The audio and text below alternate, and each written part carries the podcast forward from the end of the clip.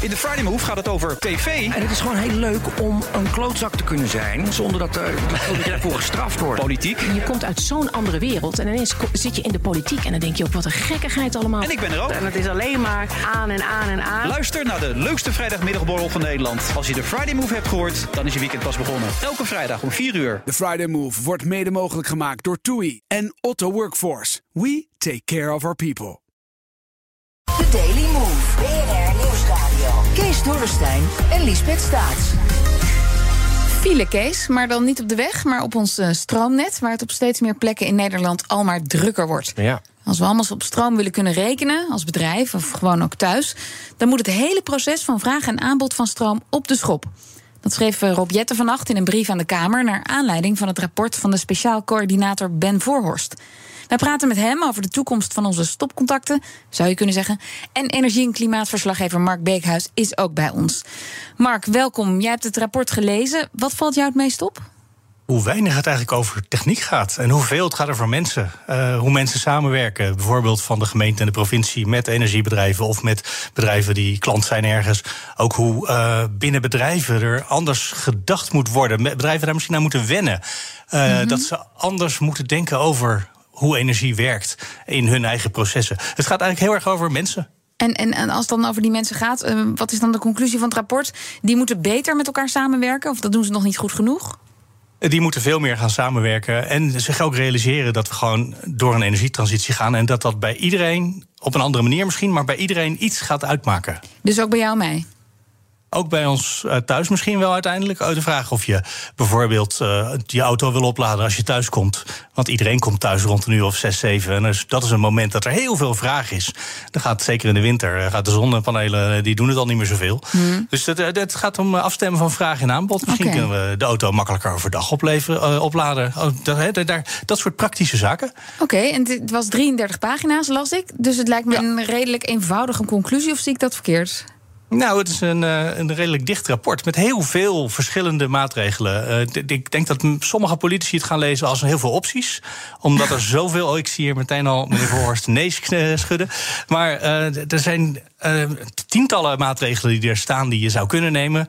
En politici kennende gaan ze denken: oh ja, ik vind uh, pagina 1 tot en met 5 vind ik wel leuk. Maar 6 en 7, daar moet ik niks mee weten. Ja, ja dat is mijn verwachting. Ja, Ben Voorhorst, uh, welkom. U bent uh, verantwoordelijk voor dat rapport. Ja, dat vindt u natuurlijk niks, hè? Dat er een beetje de krenten uit de pap gevist worden. Nee, maar zo is het rapport ook niet geschreven. En zo zal het denk ik ook niet gaan gebeuren. Want het is inderdaad veel over samenwerken. en de eerste, ja, eerste stap die we toch echt moeten zetten is van hoe kunnen we sneller netten bouwen, meer netten bouwen, zodat echt die capaciteit uitgebreid kan worden. Dat is belangrijk. Uh, daar moeten we stappen zetten. Daar moeten we anders voor gaan samenwerken in, in de maatschappij... om daar de vergunningen voor elkaar te krijgen. Uh, en dat is niet wijzen naar de gemeente of de overheid. Nee, het hele proces van een project wat uh, geïnitieerd wordt. hoe kom je tot de documenten die mm. er nodig zijn voor de vergunningsaanvraag. Maar ook wat, wat ben je van plan? Het is niet voor één project, maar bekijken al de projecten... die de komende jaren gaan gebeuren. Zodat ook een, een gemeente en de, en de provincie weet van... Hey, wat komt er op ons af? Hoe kunnen we dat samen gaan inpassen? En ook samen parallel eigenlijk die aanvragen uh, zorgen dat die goed gedaan worden, ook zo snel mogelijk afgehandeld kunnen worden, waardoor je ook minder last hebt of in de, in de tijd qua uh, van uh, zaken die niet goed uitgezocht zijn, maar ook van inspraak en dat soort zaken. Ja. En daarmee moet je echt stappen kunnen zetten om die processen te versnellen. Laten we eerst nog even naar de oorzaak van de problemen, want deze zomer spraken we ook hier in BNR al over opstoppingen in het net in Brabant en Limburg. Nu zijn die problemen, diezelfde problemen ook elders in het land. Hoe heeft het zover kunnen komen?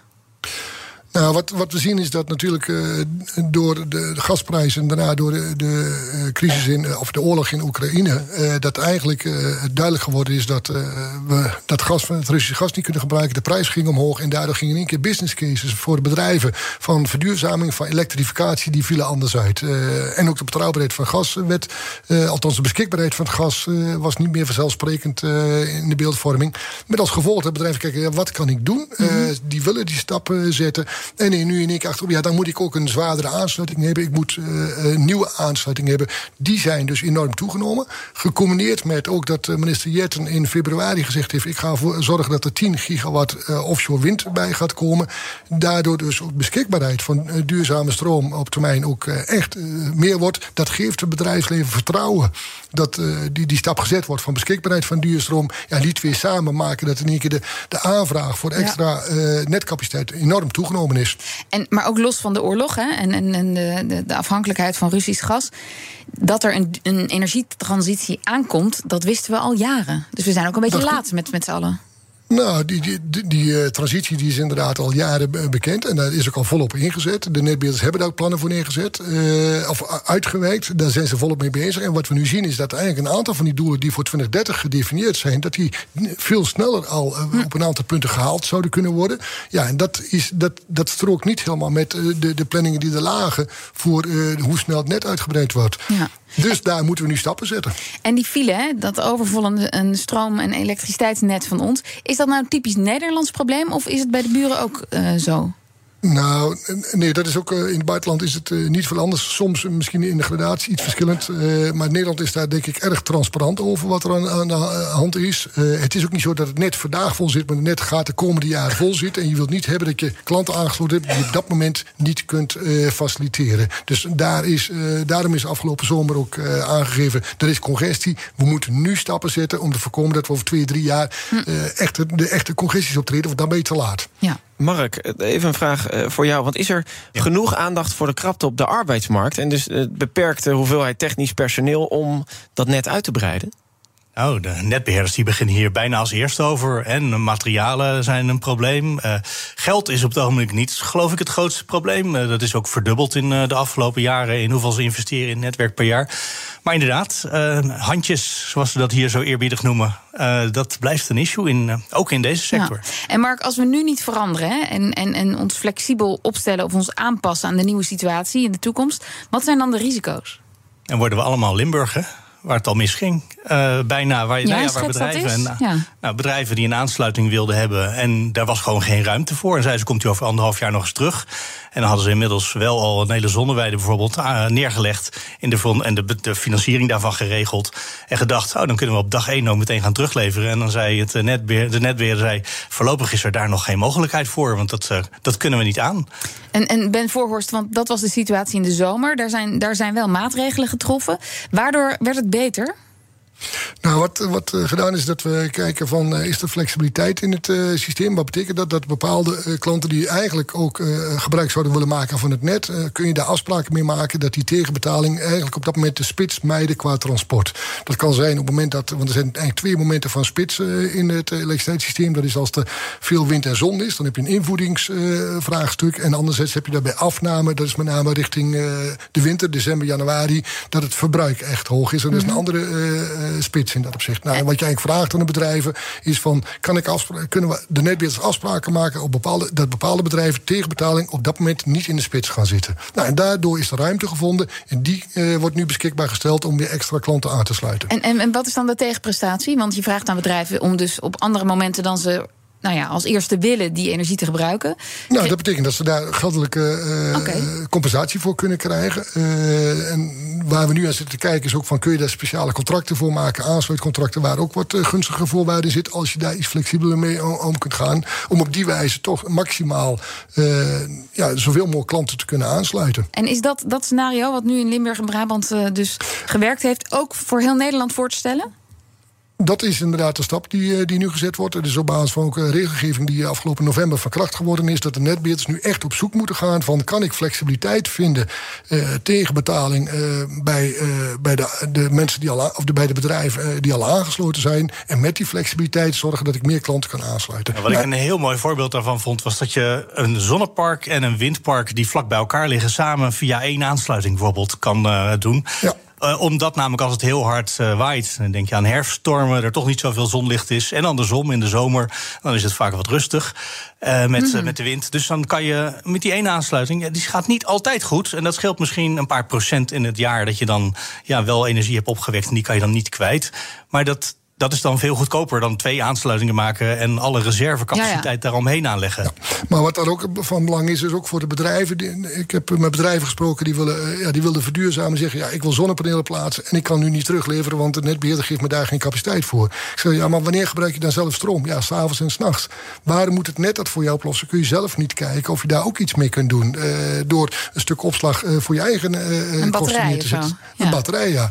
Nou, ja. er zijn bedrijven die dat gedaan hebben... en die dus daar eigenlijk met dezelfde aansluiting... in één keer grote delen, ja, grote delen van het jaar... zelfs, of in elk geval zelf kunnen voorzien hun eigen energievoorziening. Nou, Dat zijn echt stappen die we kunnen zetten... om meer zon en wind te integreren. En dat is, dat is vandaag al aantrekkelijk... omdat je dan niet hoeft te wachten op die netuitbreiding. Maar ook naar de toekomst toe zullen we dit soort zaken... meer en meer moeten gaan doen. Omdat je echt de energie die je kunt vangen... op het moment dat de wind er is of de zon er is... moet gebruiken voor die momenten dat hij er niet is. Nou, daar moeten we echt hele grote stappen zetten. En, dit is ook waarom het gaat over mensen. Hè? Want dit zijn dus mensen in bedrijven die ineens moeten gaan denken: wij kunnen het misschien anders gaan oplossen. Iemand moet zich realiseren: in ons bedrijf kunnen wij dit of kunnen we dit niet, afhankelijk van de situatie. Uh, en die moet, dat moet gewoon bewustwording uh, eerst uh, doorgaan. Ja. ja. En dat is dus niet delegeren naar een energieinkoopmanager in een bedrijf, maar ook kijken van hoe kan ik mijn bedrijfsproces nee, aanpassen. Wat zijn de, de, de, strategische belangrijke zaken? Waar kan ik voorraad hebben? Waar kan ik voorraad van mijn producten maken? En dat hoeft niet 100% te zijn, maar als iedereen 20, iedereen 20% flexibiliteit introduceert, kunnen we echt hele grote stappen zetten. Ja. Nou, wij melden nu hier op de zender de files op de weg, ieder half uur. Komen er in de toekomst misschien stroomfiles? Berichten op de radio wanneer je de wasmachine het best kunt aanzetten, wanneer niet. Er bestaat al zoiets als een energieweerbericht. Um, af, van afgelopen zondag klonk dat zo. Je hoort het misschien wel. Er is vandaag veel wind. De turbines draaien volop. Op dinsdag, donderdag en zaterdag levert dat maar liefst twee keer zoveel windenergie op als gebruikelijk in deze tijd van het jaar. Dus zet zo mogelijk juist op deze dagen je elektrische apparaten aan. Dan help je mee om die goedkope windstroom optimaal te benutten. En dan hoeft die dure gascentrale minder vaak aan. Ja, dit was een energieweerbericht van de Nederlandse Vereniging voor Duurzame Energie. Is dat een scenario wat u voor zich ziet, meneer Voorhorst? Ja, inderdaad. En dat gaat over bewustwording. Dat is, uh, en dan moet je dan zelf elke dag aan de knoppen zitten. Niet. Dat kun je automatiseren. Er zijn leveranciers, eh, energieleveranciers die je daar graag in helpen om dat uh, eigenlijk weg te automatiseren. Jij geeft aan wat je parameters zijn, waar je aan je huis je comfortniveau wilt hebben. En zij kunnen dat voor je regelen. Maar dat zijn wel dingen die we moeten oppakken.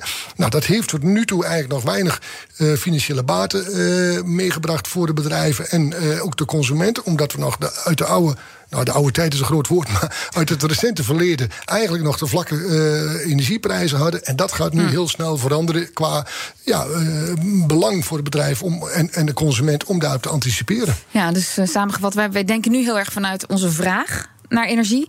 En moeten straks gaan wennen aan denken vanuit het aanbod van energie. Ja, en als je daar allemaal een beetje rekening mee houdt, dan gaan we echt flinke stappen maken. En in tussentijd moeten netbeheerders uh, inderdaad grote stappen zetten. Uh, samen met de overheid om sneller die net te bouwen. En dan, dan breng je die twee zaken samen. Dank u wel, Ben Voorhorst, speciaal coördinator voor het stroomnet. En Mark Beekhuis, onze energie- en klimaatverslag. Beleggen is razend populair. Maar hoe bepaal je wat je favoriete aandelen nou echt waard zijn? Dat gaan wij voor jou uitzoeken in BNR Doorgelicht. Nina en Jim. We vertellen je het verhaal achter het bedrijf. Wat ze vervolgens deden was dus Steve Jobs aan de kant zetten. En we doen een grondige fundamentele analyse. Het lijkt dus een super saai aandeel, maar dat is het helemaal niet. Elke vrijdagavond om 7 uur Doorgelicht op BNR. Of zoek hem op in je podcast app. Doorgelicht wordt mede mogelijk gemaakt door de Giro. Financial Power. To you.